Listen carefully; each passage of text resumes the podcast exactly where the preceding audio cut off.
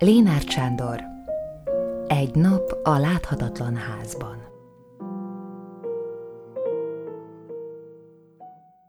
Előszó Amikor a házam épült, fűrésszel, szöggel, kalapáccsal építették, úgy tákolták össze, mint egy ládát, fűvön. Páfrányon, vadvirágon kívül semmi sem termett az országút és a ház között.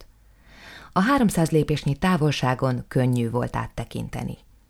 A szomszéd kicsit messzebb lakik, de ő is látta, mikor folyom eleste a gyertyát, mikor állok reggel a kúthoz mosakodni. Ennek tizenöt éve. Tizenöt év legalábbis a növényeknek és Dél-Amerikában, fegyenceknek mindenhol sok idő. Ahol a tavasz csak rövid pár hétre szakítja meg a télnek csúfolt ősz, a földbe szúrt kis platánákból terebélyes platán nő. Az óriás levelű katalpa egymagában is elrejt egy házat. Az őserdőfái megtanultak gyorsan nőni, hogy a növény rengeteg felett naphoz jussanak. A Kínából jött dió, az európai, vagy perzsiai őszi barack megtanultak sietni. A mimózafa kétszer akkorára nő, mint a Róma körüli dombokon. A fák körülnőtték, túlnőtték a házat. Az eukaliptuszok a kerítésnél kora reggel árnyékot terítenek rá. A narancsok és a mandarinok a ház mögött ágaikkal már elérik egymást, és a kedvük tartaná, gyümölcsöt cserélhetnének. Az útmenti mocsárba ültetett bambusz áthatolhatatlan kerítés lett. Akárhonnan keresné valaki, házam eltűnt. Nemrégiben ide jövet egy távoli barátom kérdezősködött, hol lakom. Könnyen megtalálja, mondta a kérdezett. Ott lakik nem messze abban a házban, amelyet nem látni. Az emberek errefelé egymástól messze laknak, nem igen törődnek egymással. Hogy a szomszéd mit ebédel, ebédele egyáltalán, az az ő dolga. A söprést is mindenki csak a saját portáján intézi. De ha erkölcsről van szó, más a helyzet. A trappistáknál az a szabály járja, hogy senki sem tehet a tálból a saját tányérjára. A fráterek csak a mellettük ülőnek szegnek kenyeret, az ő poharába öntik a vizet. Arra kell ügyelniük, hogy testvérük jól lakva keljen fel az asztaltól. S ha ők a jobb kéz felől ülő társuk gondját viselik, bíznak benne, hogy az isteni gondviselés és a bal kéz felől ülő társuk majd ellátják az ő tányérjukat is. Ilyen formán, ami az erkölcsöt, vagyis a csókot és az ölelést illeti, mindenki a szomszéd lelki üdvéért aggódik. Sajnálná, ha a szomszéd azért kerülne az örök tűzbe, mert ő nem vigyázott. Ezért kötelessége szomszédaim feleségeinek, s a házban gubbasztó anyósoknak és nagymamáknak számon tartani, ki jött hozzám. Meddig maradt, beteg volt-e, hozott-e kísérőt, ha este fele jött, elmente a sötétben. Aki lámpással jött, fiatal volt-e vagy öreg? A tény, hogy magam is nagyapa vagyok, mellékes. Mióta felnőttek a fák, magasra szökkentek még a dáliák is, bozottá fonódott a spárga, mindenre már nehéz figyelni. Volt persze, hogy volt olyan idő, amikor éjjel-nappal mindenki láthatta, mit művelek. Éjjel híd alatt aludtam, nappal az utcán ültem vagy csatangoltam. Éjjel-nappal kísért a nagybetűs közöny, és senki sem avatkozott egy kérdőjel erejéig sem magánügyeimbe. Most már nem a közöny néz, hanem a köz. A köznek jogai vannak. Kérdez, érdeklődik. A köz csak úgy szórja kérdőjeleit az egyes ember asztalára. Még az is, aki semmit se kér, kapja a kérdőívet, s jaj annak, aki egy határt akar átlépni. Jaj annak, aki határt van önmaga köré. Miért teszi? Mit gondol? Mit kíván? Miért hallgat? Olyan időket élünk, hogy talán még a szabadságszoborban is lehallgató készüléken figyelik, mit mond az, aki felmászott rá, és szemeiből tekint ki. Lehet, hogy szomszédaimnak van igazuk. Nem szabad elbújnom. Ezért mondom el, mit teszek reggeltől estig, attól a perctől fogva, amikor hangyáimmal foglalkozom egészen addig, amíg felbámolok tejutaimra. Napjaim úgy hasonlítanak egymásra, mint azok a bizonyos egycsuhás, egyformán hallgató trappisták. Egy szabály parancsol mozdulataiknak. Egy szabású saruban tartanak egy mennyország felé. Napjaim ilyen formák. Ha elmondom egynek a történetét, mindegyikről szóltam.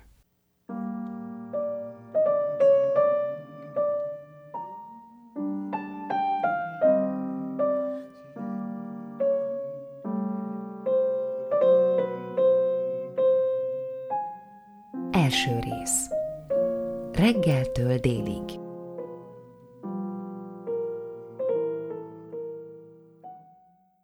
Első fejezet Megkísérlem leírni egy napomat, egy mindennapi napot. Jelentős napjaim nincsenek. Nem is nagyon kívánom őket. Éj érdekes időket, mondják a kínaiak, ha nagyon rosszat akarnak kívánni valakinek. Az érdekes napok ritkák. Kevés az olyan, amelyet Mozart érdemesnek tartana a megzenésítésre, mint Figaro házasságának a napját. Hogy életünknek melyik napja volt döntő fontosságú, azt úgyis csak évtizedek múltán vesszük észre.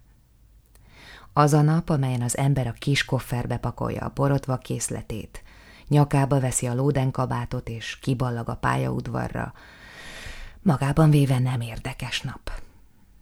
Az sem nagy esemény, ha az embernek azt mondja a fia, apám, tökkel ütött hülye vagy. És ilyen jelentéktelen napokon csúszik át az ember élete egy másik pályára. Ilyenkor nyílik meg egy másik valóság, amelyből az előző lét mind álomszerűbbnek tűnik. Volt író, aki szívesebben írta meg a távoli eseményeket. Az emlékezeten átszűrt események a jobb anyag. Az álomból jobb könyv, és még sokkal jobb vers lesz, mint a szemünk előtt levő valóságból. Helyzetem lényegesen más, mint a világirodalom híres emlékezőjé, Prusté. Mutya olyan szép, vagy legalábbis annyira torra érdemes volt, hogy parafa falat vont önmaga és a jelen közé, és a tintatartójából varázsolta elő a megtörténteket. De még ő is nagyító üvegekkel, görbe tükrökkel dolgozott, mert neki is fájt az előkeresett idő. Göte igen becsületesen hazudott. Életemből költészet és valóság könyvének címe. Excel münte mosolyogva és arcátlanul hazudott a Szent Mihály felé vezető útról.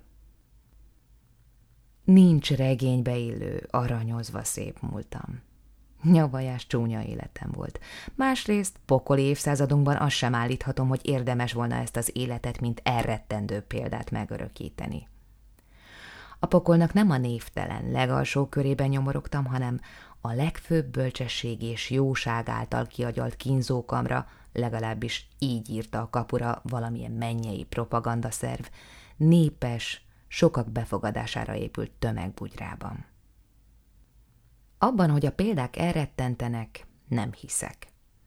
A harminc éves háború szörnyűségeit is leírták, tökéletes és hátborzongató részkarcokkal illusztrálták, de az elkövetkező háborúk nem lettek emberségesebbek. Arról, hogy ne jöttek volna újabbak, szó sem volt. A karóba húzott emberek üvöltése nem rettentette el a bűnözőket a bűntől, a bírákat az ítélettől, a hóhírokat a pénzkeresésnek ettől a módjától. Sőt, még a művészeket sem rettentette el attól, hogy városképeik előterét egy-két karóba húzott honpolgár képével ne élénkítsék. Nem példázhatok életemmel. Még életemnek azzal a részével sem, amely minden napomban tükröződik. Csak úgy írhatom le egy napomat, mint ahogy egy festő csendéletet fest. Csend van, élet van. Ez már ok a festésre. Az is igaz, hogy festésre minden téma jó. Az olaszok ott, ahol mi életet mondunk, halált látnak. A csendélet natura morta lesz, de megmarad festésre érdemes témának. Igen jó dolgom van. Van egy tágas, súlyos deszkákból épült faházam.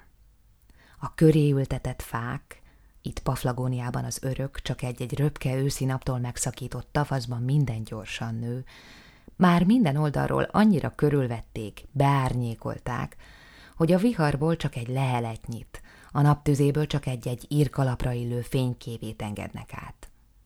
Közeli madárfütynél, távoli kutyaugatásnál hangosabb hang nem hallik ide. Kutya sok van. Még nincs száz éve, hogy a paflagon nép zöme rabszolga volt. A rabszolga is ember, ő is szívesen rúg valakibe. Ő is akkor boldog, ha valami nyomorult élőlény farkát csóválja, s az ő talpát nyalja. Ezért sok a kutya, de az írségtől összeaszott ebek csak telihold idején jajgatják el panaszaikat. Madár is van még, bár a rabszolgák évadékai ma is majomból, madárból kotyvasztják össze az éhhalál elleni orvosságot. A nagyapák tanítása a konyhában él tovább. Ami tradíció még van, az a bográcsban rotyog. A madarakat néha a babona védi. A kvérokvéró madár éjjel is víjog. A benszülött meg nem enné, mert attól tart, hogy álmatlan lesz tőle. A Hoao de Barro sárból tapasztja fészkét, póznák tetején az ágak villájában. Nem bántják, mert a sárkunyhóban élőknek illik összetartani. Még áll egy jó darab őserdő a házam feletti meredek dombon. Nyolc holdja az enyém, ami azt jelenti, hogy szabad megvédenem. Ebből repülnek ki a fekete madarak, ha az ember le akarja aratni előlük a rist. A kék madarak, ha beérett a narancs, s ha a csőrük nyomán csak úgy dől az édes lé. Nem csak az emberek, a madarak is titkos, idegen nyelven társalognak. Nem merném mondani, hogy a fák beszéde zavarná a csendet. Köztük csak a platán szól ismerős nyelven. A kezem alatt nőtt fel, nem csoda, hogy úgy susog, mint egykor az otthoni platánok. Az eukaliptuszok már nagyon idegen hangon szólnak. Ha délután az Atlanti-óceán szele sirályostól a szárazföldre csúszik, csemballószerűen zúgnak. Az araukáriák kisebb szellőre meg sem moccannak. Viharban sebesre tépik a szélizmait, alig hajlanak meghajajgat a szél. A narancsok levelei súlyosak, ritkán adnak egy rövid komor hangot. Jó helyen vagyok, mert bőven jut abból a jóból, amit az ipar nem termel, hanem pusztít. A csendből. Vannak milliómosok, akiknek kevesebb jut belőle, mint nekem. A városokból száműzték, villanyáramos pokolgépekkel vadásznak rá, repülők tépázzák, korbácsolják fenn, bányászok űzik föld alatti rejtek helyeiről. Itt úgy ül a méltóság teljes csend, mint visszatérésre váró ex-király. Még szavak is csak ritkán szakítják meg. A benszülöttek szókincse csekély, takarékoskodnak vele. Felhőm is van bőven, nem panaszkodhatom. Tudom, sokan vannak, akiknek nem jut. Szobában dolgoznak, termekbe vannak csukva. A haladás barlanglakót csinált az emberiség úgynevezett boldogabb feléből. A falak közdolgozó, szórakozó, háló ember elfelejti, hogy felhők is vannak. Nagy veszteség, mert nincs szebb néma játék, mint a forgó, repülő ködöké. Ha van egy játékos jóisten, aki mindenhonnan egyszerre nézi teremtményét, a káoszt, biztosan ugyanezt gondolja, amikor pörgeti, egymásnak hagyja a százezer fényév széles csillagködöket. Felhőim úgy szólván sosem hiányoznak. Fiatalok, itt születtek. Egy-két óra szélfúvásnyira az Atlanti-óceán déli síkjain. Dél-Amerika egyszer elszakadt Afrikától. Átcsúszott a félföldgömbön folyóival, halaival, állataival, élősdieivel, még az afrikai gyémántmezőket csücskével is, hogy legyen egy nagy felhőt szülő tenger. Ennek a reggeli ködeiből, hajnali szivárványai közül emeli ki a nap a friss, habos, hófehér felhőket. Délelőtt lustán vitorláznak az őserdők felé. Délután a tengerről fújó szél haragosan kergeti őket beljebb, a folyók forrásai felé. Este megállnak, várják, hogy a nap az aranyapjóval tüntesse ki őket. Ismerem a darabot. Tudom a mesét, de érdekel az új és újabb rendezés. Úgy nézem a felhőket, mintha az én nyájam volnának, és senki sem töri meg a csendet, hogy visszaparancsolja róluk tekintetemet. És ezen felül van egy forrásom is. Paflagónia vendégszerető földje ellát itallal. Nem úgy jöttem ide, mint Ponce de Leon Floridába, nem a fiatalság forrását kerestem. Már szép, már elég, hogy csak egy napot vénülök, ha egy napig iszom.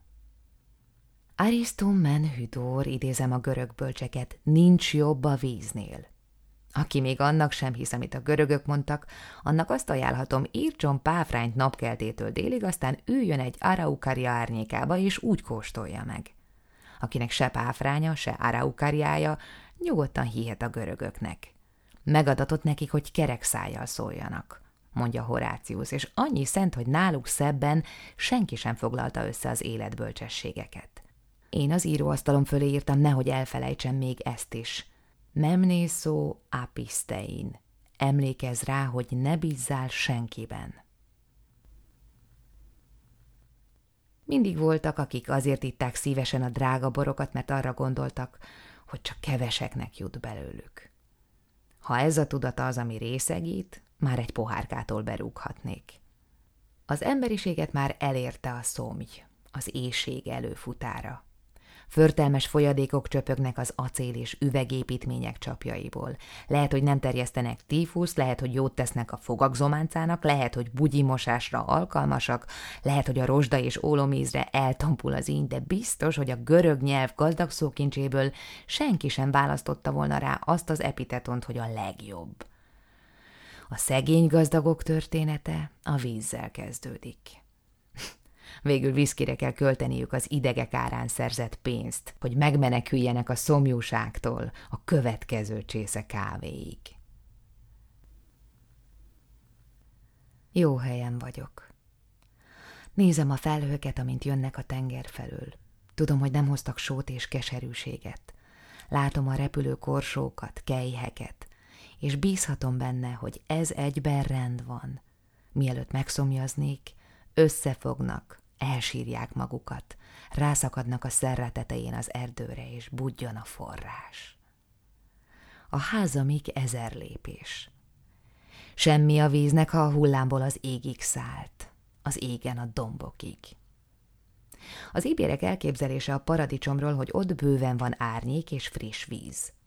Paflagóniát az ibérek gyarmatosították, s ha nem is hozták át a szardénia készítés titkát, egyéb titkaik nincsenek, áthozták életcéljaikat. Hogy nem valósították meg őket, csak azon múlott, hogy nehéz összeegyeztetni az árnyék szeretetét a fakereskedéssel. A rómaiakról mondták, hogy békéről beszéltek, sivatagot csináltak. Az ibérek árnyékról álmodva csinálták a sivatagokat. A gyarmatosítók büszkék, és megkövetelik, hogy a benszülött hozzájuk igazodjék. Nem szívesen mondok jót a gyarmatosítókról, de sokban velük érzek, és nem azokkal, akikhez okmányaim utalnak, az ott kiebrudalt, itt beengedettekhez. Nem elégszem meg a mindennapi babbal és rizssel, nem vagyok hajlandó irodalomnak nevezni a jó szándékkal ír, de irodalom alatti könyveiket, és mindenki mással ellentétben árnyékot gyártok. Én ültettem a ház körüli fákat, az országútig vezető út mellé a platánokat, s minden művem közül az árnyékra vagyok a legbüszkébb, amely fáim alatt terül el. Vannak jobb utak a halhatatlanság felé.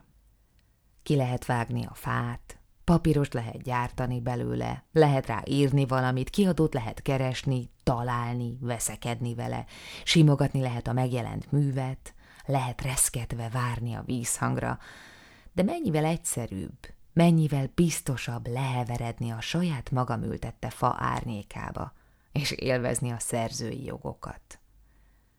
Örülök kincseimnek, a boldogság alkotó elemeinek, a csendnek és a felhőknek, a sziklákból fakadó víznek, s alomvetette árnyéknak, annak, amelyre semmilyen adóhivatal nem vethet ki adót. Ugyanígy örülök annak, amire nincs szükségem – Nincs órám, sőt, évekig fel sem tűnt, hogy nincs. Hajnal van, ha távoli városokról álmodom, amelyek annyira megváltoztak, hogy nem találom bennük az utamat. Reggel, ha a hálószobám ablakából látom, hogy a távoli araukariák sziluettje úgy eregeti fel a napot, mint egy fényes léggömböt. Dél, amikor a legelőn álló platán árnyéka olyan kicsi, hogy négy birkám éppen elfér benne este, amikor feljönnek a csillagok és a műholdak, éjjel, ha fényesen zuhannak a meteorok, távoli káoszok öngyilkos kis töredékei. Ha birkáimról szólok, büszkén megállok. Egy beteljesült élettervet jelentenek. Ezt a tervet nem görög bölcseknek köszönhetem, hanem egy bölcs magyarnak, akivel Rómában a háború után vetett össze a véletlen. Ott mesélt életéről, s terveiről egy fórum feletti toronyban. A francia hadseregben szolgált, német hadifogságból a harmadik szökési kísérlet Magyarországra vitte. Mint internált francia ült a Balaton partján, egy ideig egy grófnál volt inos, mert a méltóságos úr jobban bízott a francia személyzetben. A legnehezebb volt azt játszani, hogy nem ért magyarul. Végül átsétált Romániába, és innen került Olaszországba. A tervei? Kérdeztem. Vissza, haza, azaz Toulouse mellé. Ott vannak a barátaim. Les copains. Összeszedek egy kis pénzt, veszek egy darab földet, je le szép is szélé mouton. Néha úgy érzem, megloptam hős barátomat. Elloptam tőle a boldogság titkát. Az vigasztal, hogy talán többre vitte nálam, hogy az ő birkái nem férnek el egy fiatal fadéli árnyékában.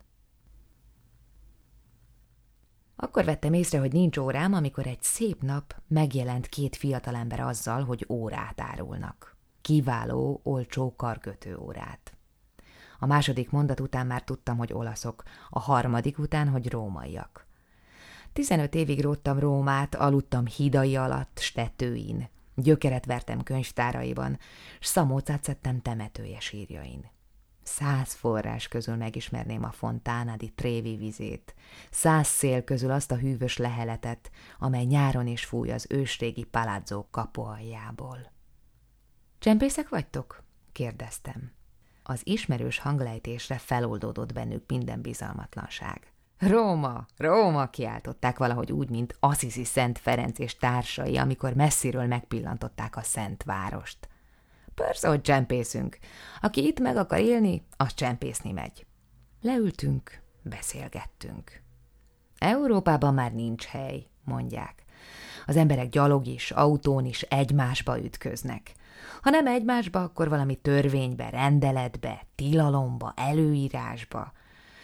Ami nem tilos, azt muszáj, hallottam Svájcban. Itt még azt is szabad, ami tilos. Tíz kontóért vesszük az órákat Uruguayban, 25ért árulják őket itt. Magának tízért adjuk. Olyan méltósággal, olyan nemes gesztussal nyújtja az órát, mintha engem, nadrágos barbárt, római polgárjoggal tüntet neki. Liviusra gondolok, a csaták előtti, csaták utáni szónoklatokra. Így szeretném elmondani a mondókámat. Mit tegyek, ó, új, de jóságos barátaim, Róma polgárai, egy időt mérő műszerrel?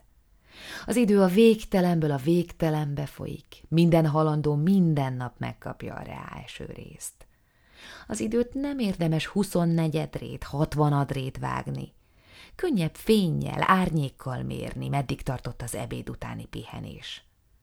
Ha földem sziget volna, úszó sziget, és meg kellene határoznom, mennyire van Mauritius kék szigete, vagy nem a sziget kék, hanem félkrajcáros bélyege. Feltétlenül szükségem volna egy időmérő eszközre, de lám, hajómat nem viszik tengerre új áramlatok, árbocomat nem fenyegeti töréssel a forró Afrikusz. Ez az oka annak, hogy nem mérni kívánom az időt, hanem eltölteni mindaddig, amíg Lakhesisnek még van fonnivalója. Egyszerűbb, ha így mondom, a karkötőóra az utolsó szeme a rabláncnak, amely a többi rabszolgához fűz. Az indió boldog volt, mert nem ismerte se az órát, se a kereket. A kerék az ördög találmánya. Az ördögé? Azt hiszem. Az ördög nem azt tanácsolta Ádámnak, hogy almát egyék. Az ördög kihúzta a zsebkését, úgy vágta az almát, hogy megmutatta Ádámnak, mi a kerék. Ah, vége volt a paradicsomnak. Csempészeim kisé hitetlenül néztek rám. Az ő katekizmusokban máshogy állhatott, de azt látták, hogy nem veszek órát. Ha talán volt is reményük, elszállt zárszommal. Úgy sincs értelme az időmérésnek, ha akármelyik kormányon lévő tábornok elhatározhatja, hogy mától fogva tizenegykor van dél. Dél-amerikai kadettek általában Napóleon komplexusban szenvednek. Mire tábornok lesz belőlük, már azt hiszik, ők forgatják a bolygórendszert, hanem a tejutat. Kegyetlen műszer az óra. kis acélrugója kegyetlenül rombolja az egyéni ritmusokat. Hogy is érteni a buta fémszerkezet, még csak nem is gondolkodó gép, hogy minden élőlény saját életének mércéjével mér. Hogy a kisfiúnak egy óra hosszabb, mint vén tanítómesterének, s hogy még a fizikusok is csak azt az időt mérik, amely előfeltétele annak, hogy egyenleteik helyesek legyenek. Az óra annak a kalapácsnak a származéka, amely a gályaraboknak verte a taktust. Kalapáccsal kell szétzúzni. Csak ott van szabadság, ahol nincs óra. Nem csak a rabhajtóinga hiányzik, a rablánc is. Korunk rablánca drótból van. Biztosabban köti a rabot, mint a ma régi módi a golyóbissal. Sürgöny és telefondrót hálóban evickél a fogoly emberiség.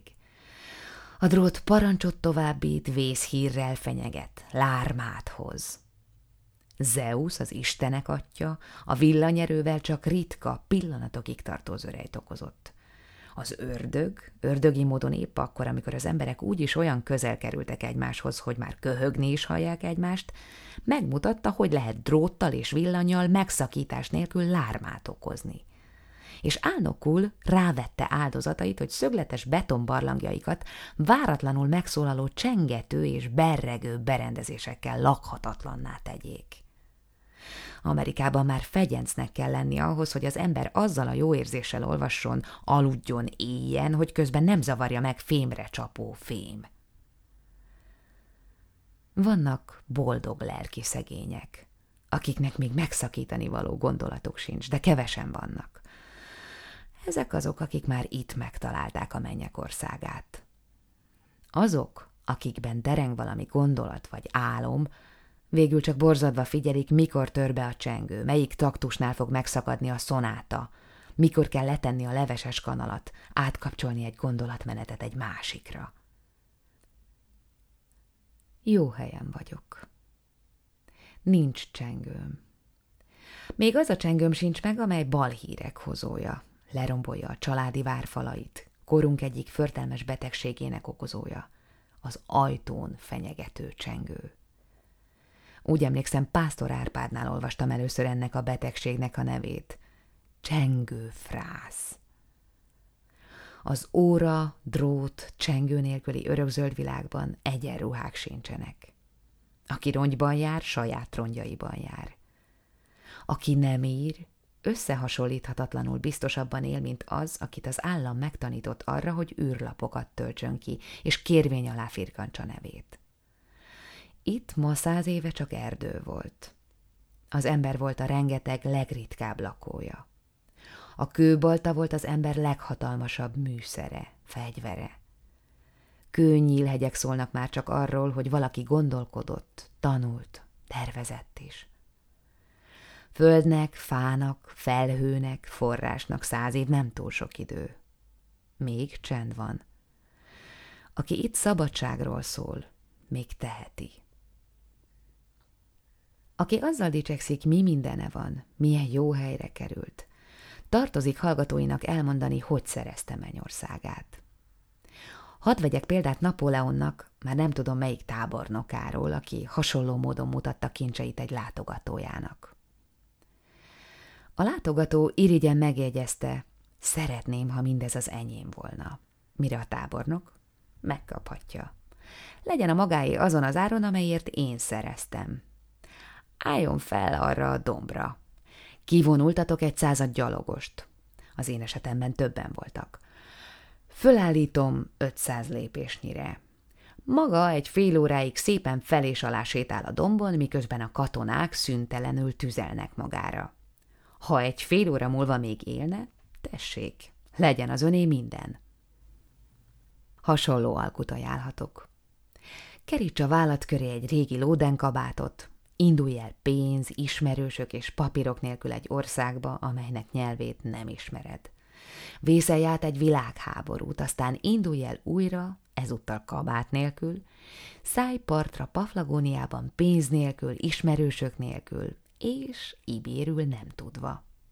Ha ezek után 15 év múlva még élnél, tessék, átadom fából faragott kastélyomat, a tizenhat holdat, az őserdőt, rajta magam ültette szőlőt, mindent. Ha valaki sikereiről szól, kínjait írja le. Rendszerint hozzáteszi, mennyi izzadságba került a vagyona. Régente az örökké isteneket illet megengesztelni. Újabban a nem kevésbé irigy halandóktól kell félnie annak, akinek egy második karé kenyere is van. Lehetne valaki a közelben, aki ezt önmagának vagy fele barátjának követeli. Akinek van valamije, félti. Félti a rablótól, aki zsákmányt, az államtól, aki adót keres. Fél Istentől és a szomszédtól, aki zöldebbnek nézi az ő füvét a sajátjánál.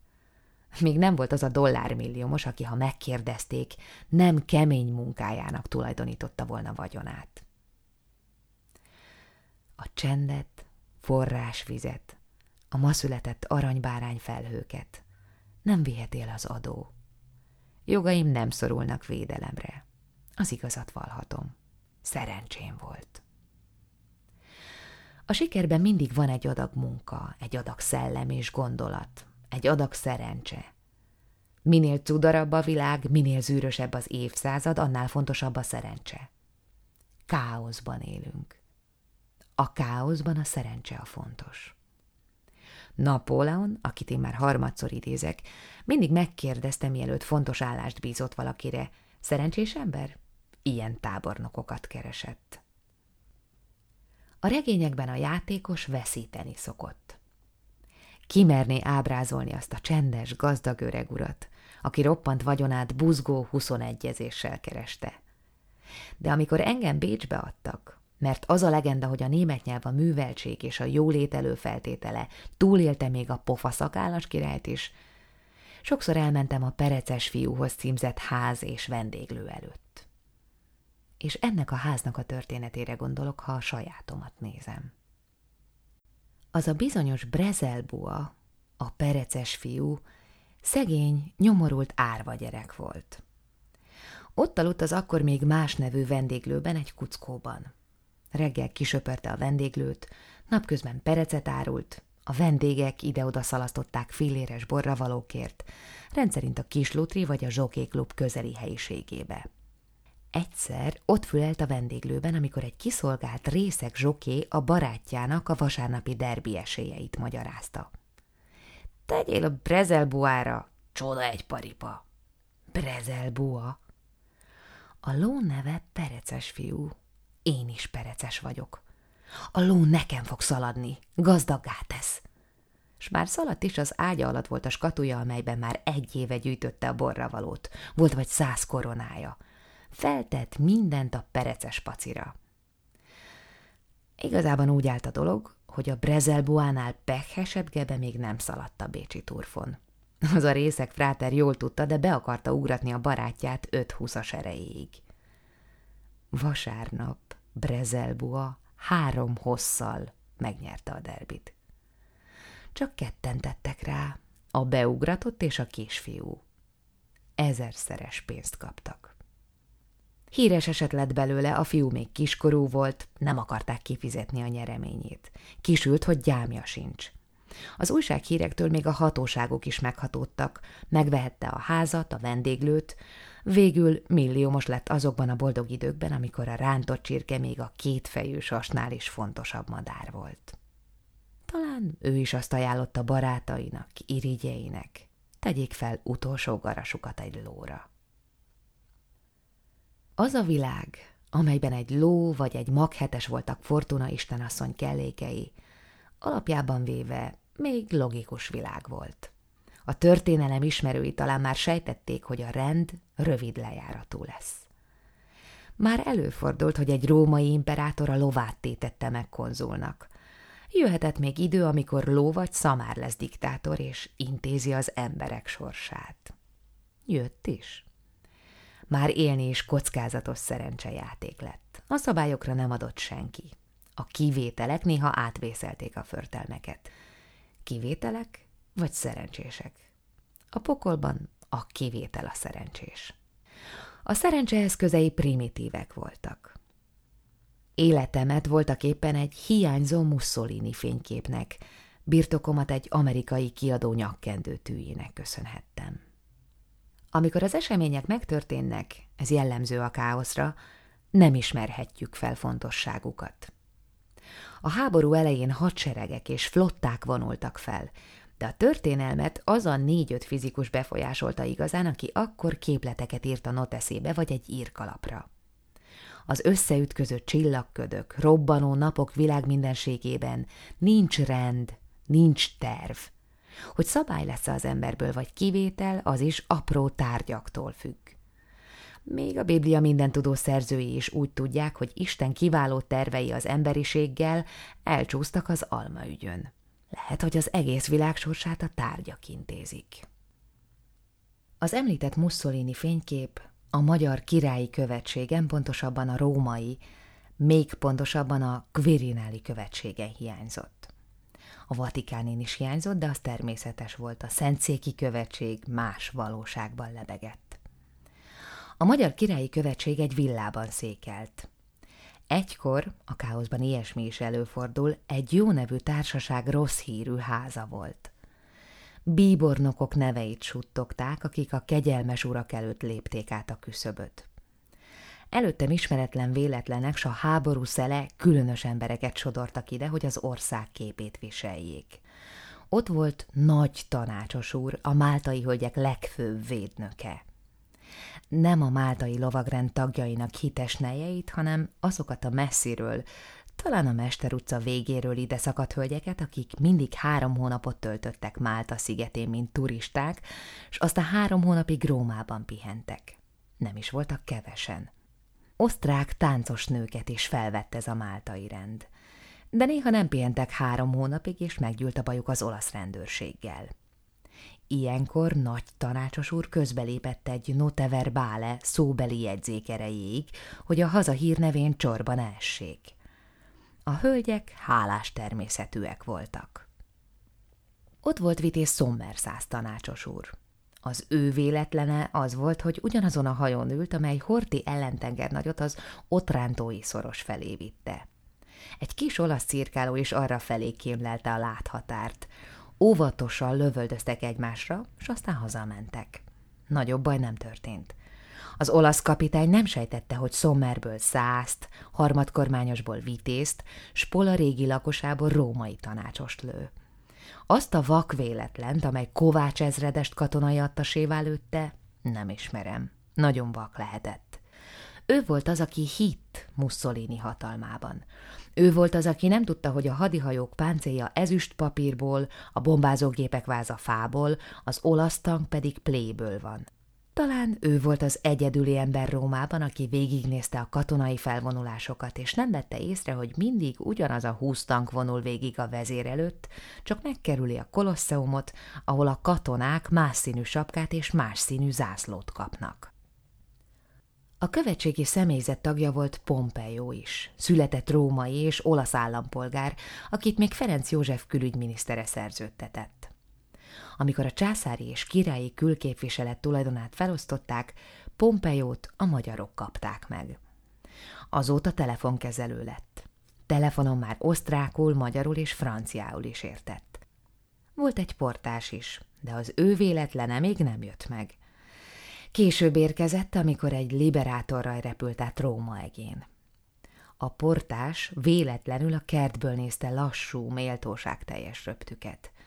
Egy, egyetlen egy bomba véletlenül leesett. Másnap egyenruhájának egy ezüstgombját hozta át valaki a szomszédkertből, más nyomát nem lelték. Az irodában volt még egy horvát nevű alkalmazott. Róla semmit sem hallottam.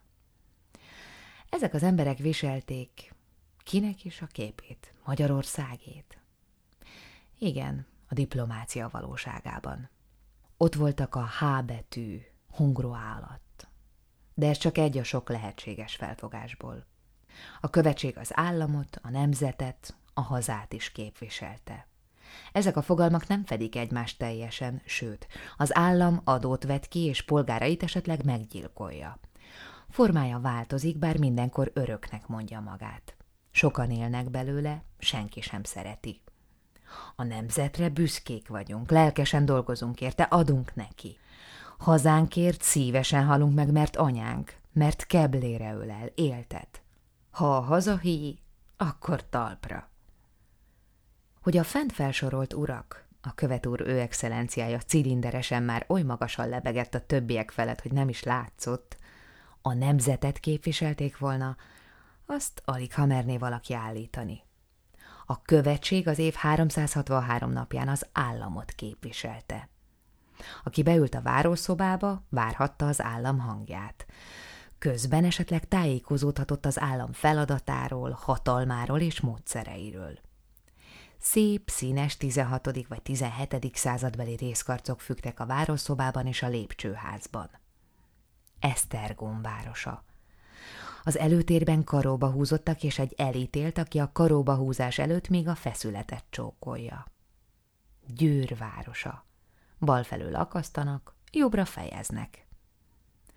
Az irodából ajtónyitáskor az állam hangja hallatszott.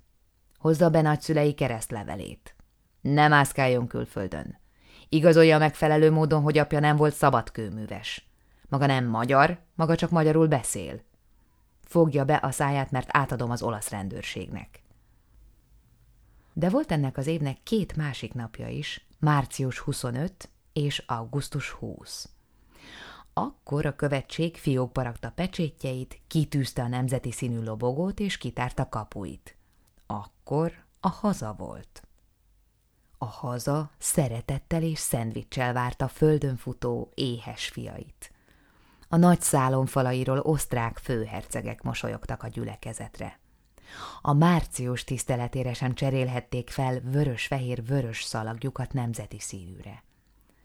Az osztrákok 1919-ben nem csak Pompeióról mondtak le, köztársaságuk lemondott a hercegekről, főhercegekről, az aranygyapjasrend fehér egyenruhás arisztokratáiról.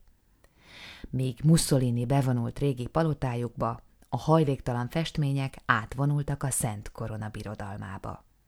Piros-fehér-zöld pántlikás Habsburgok híján örömmel fogadták őket. A nép nem az én esetem, mondja az olimpia hercegasszonya. Ilyesmit mondtak volna kékvérű rokonai a követség falán is, pláne ha látják, milyen mohón rohan a csürhe a szendvicses asztal felé. Háború volt.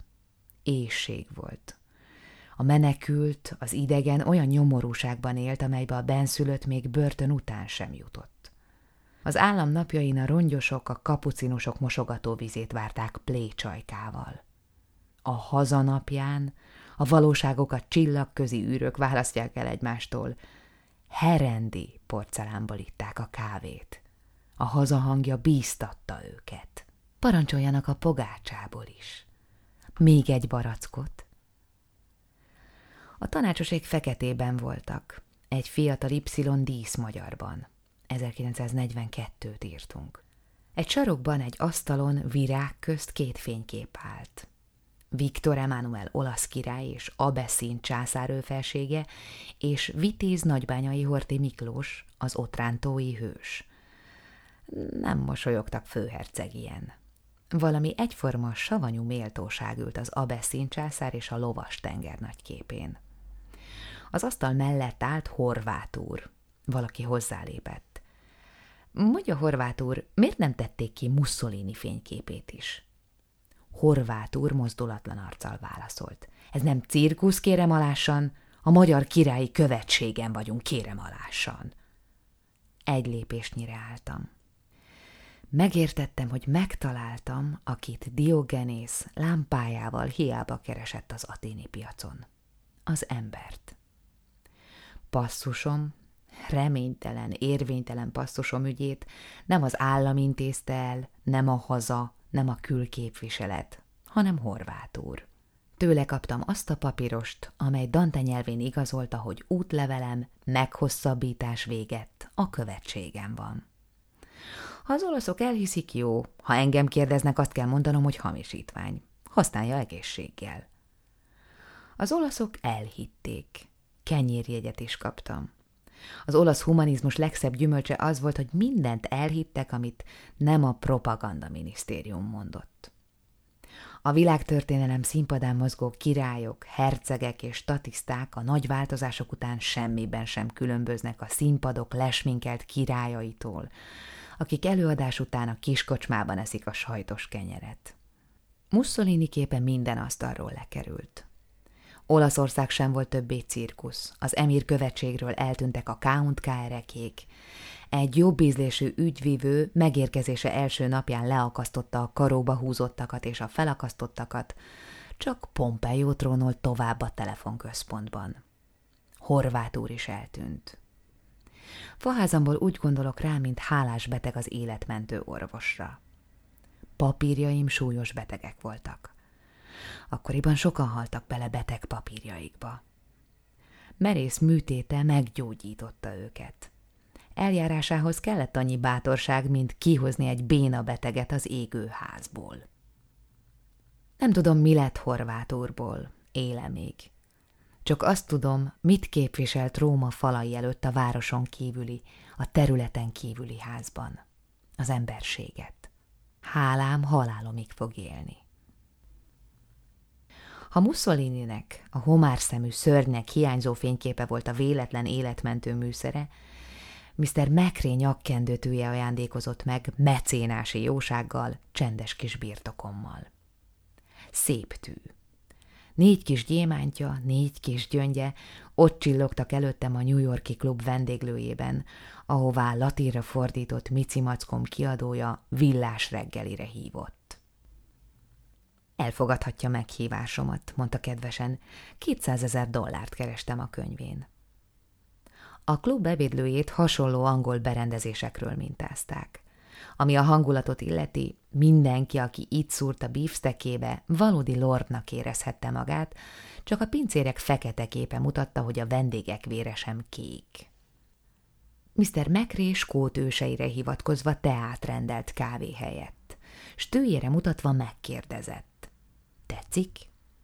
Nagyon szép, mondtam, ha ugyan szépnek fordíthatnám a nice-t, ami a csecsétől az elragadóig a tetszés minden árnyalatát kifejezi. Ez elég volt Mr. Mekrének, hogy elmondja a jóságos véletlen eszközének történetét. Mr. Mekré családja a polgárháború idején egy tábornokot adott az Egyesült Államoknak.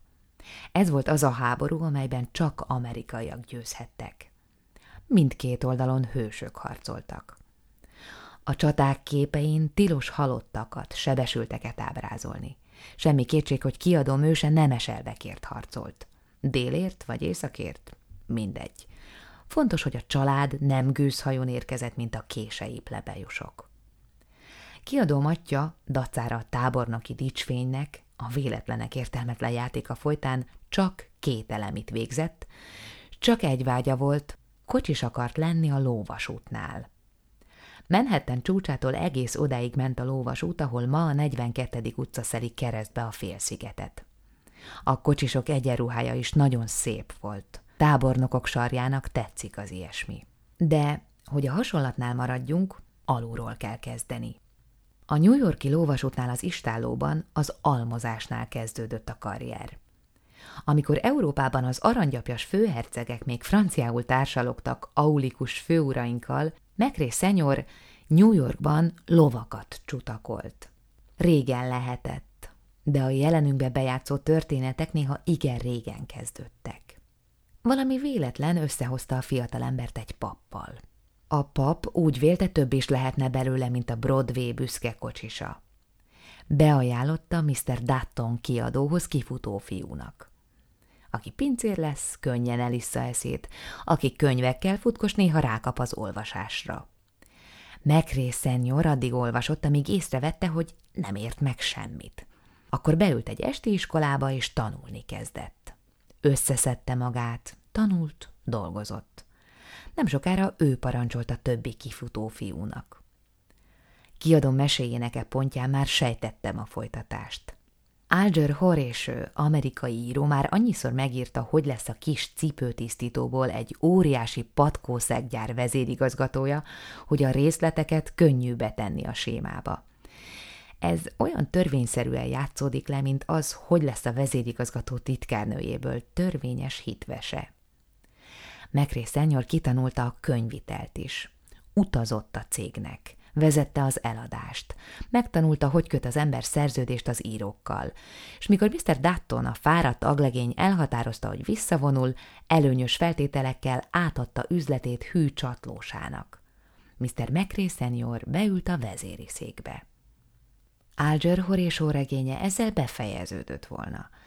De az élet, jaj, folytatásos regény. És a nagy sikerű könyvipari szakértő pályája folyamán nem ért rá annyit tanulni, hogy egy könyvet megítélhessen. Egyszer egy alázatos fiatalember jelentkezett. Írtam egy könyvet, azt hiszem nagyon érdekes. Mekré belelapozott. Igen, nem mondom, de nem nekünk való. A fiatalember búsan nézett. Adok magának egy pár sort, menjen D kollégámhoz, neki talán tetszeni fog. A fiatalember megköszönte a jó tanácsot, és ment, D-nek tetszett, kiadta. A zendai fogoly volt. Százezer példányig vitte, még mielőtt színdarab, majd film lett belőle. D. hálás ember volt. Megértette, hogy a véletlen a kocsis helyett kiadóvá lett megrét használta a jóságos eszközként. Felment hozzá, és megköszönte. A legjobb üzletem volt. Hálám jeléül hoztam valamit. És átnyújtotta a tűt. Tűzze a nyakkendőjébe, tanácsolta. Ha kéziratot mutatnak, csak érintse meg mutatóujjával. Szerencsét fog hozni.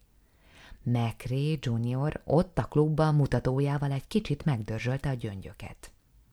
Alger regényei sohasem jutottak odáig.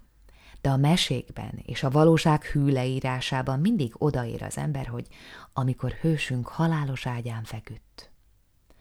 Amikor McRae senior eljutott idáig, magához hívta egyetlen fiát, McRae juniort, hogy néhány rövid mondatban összefoglalja élete tanulságait.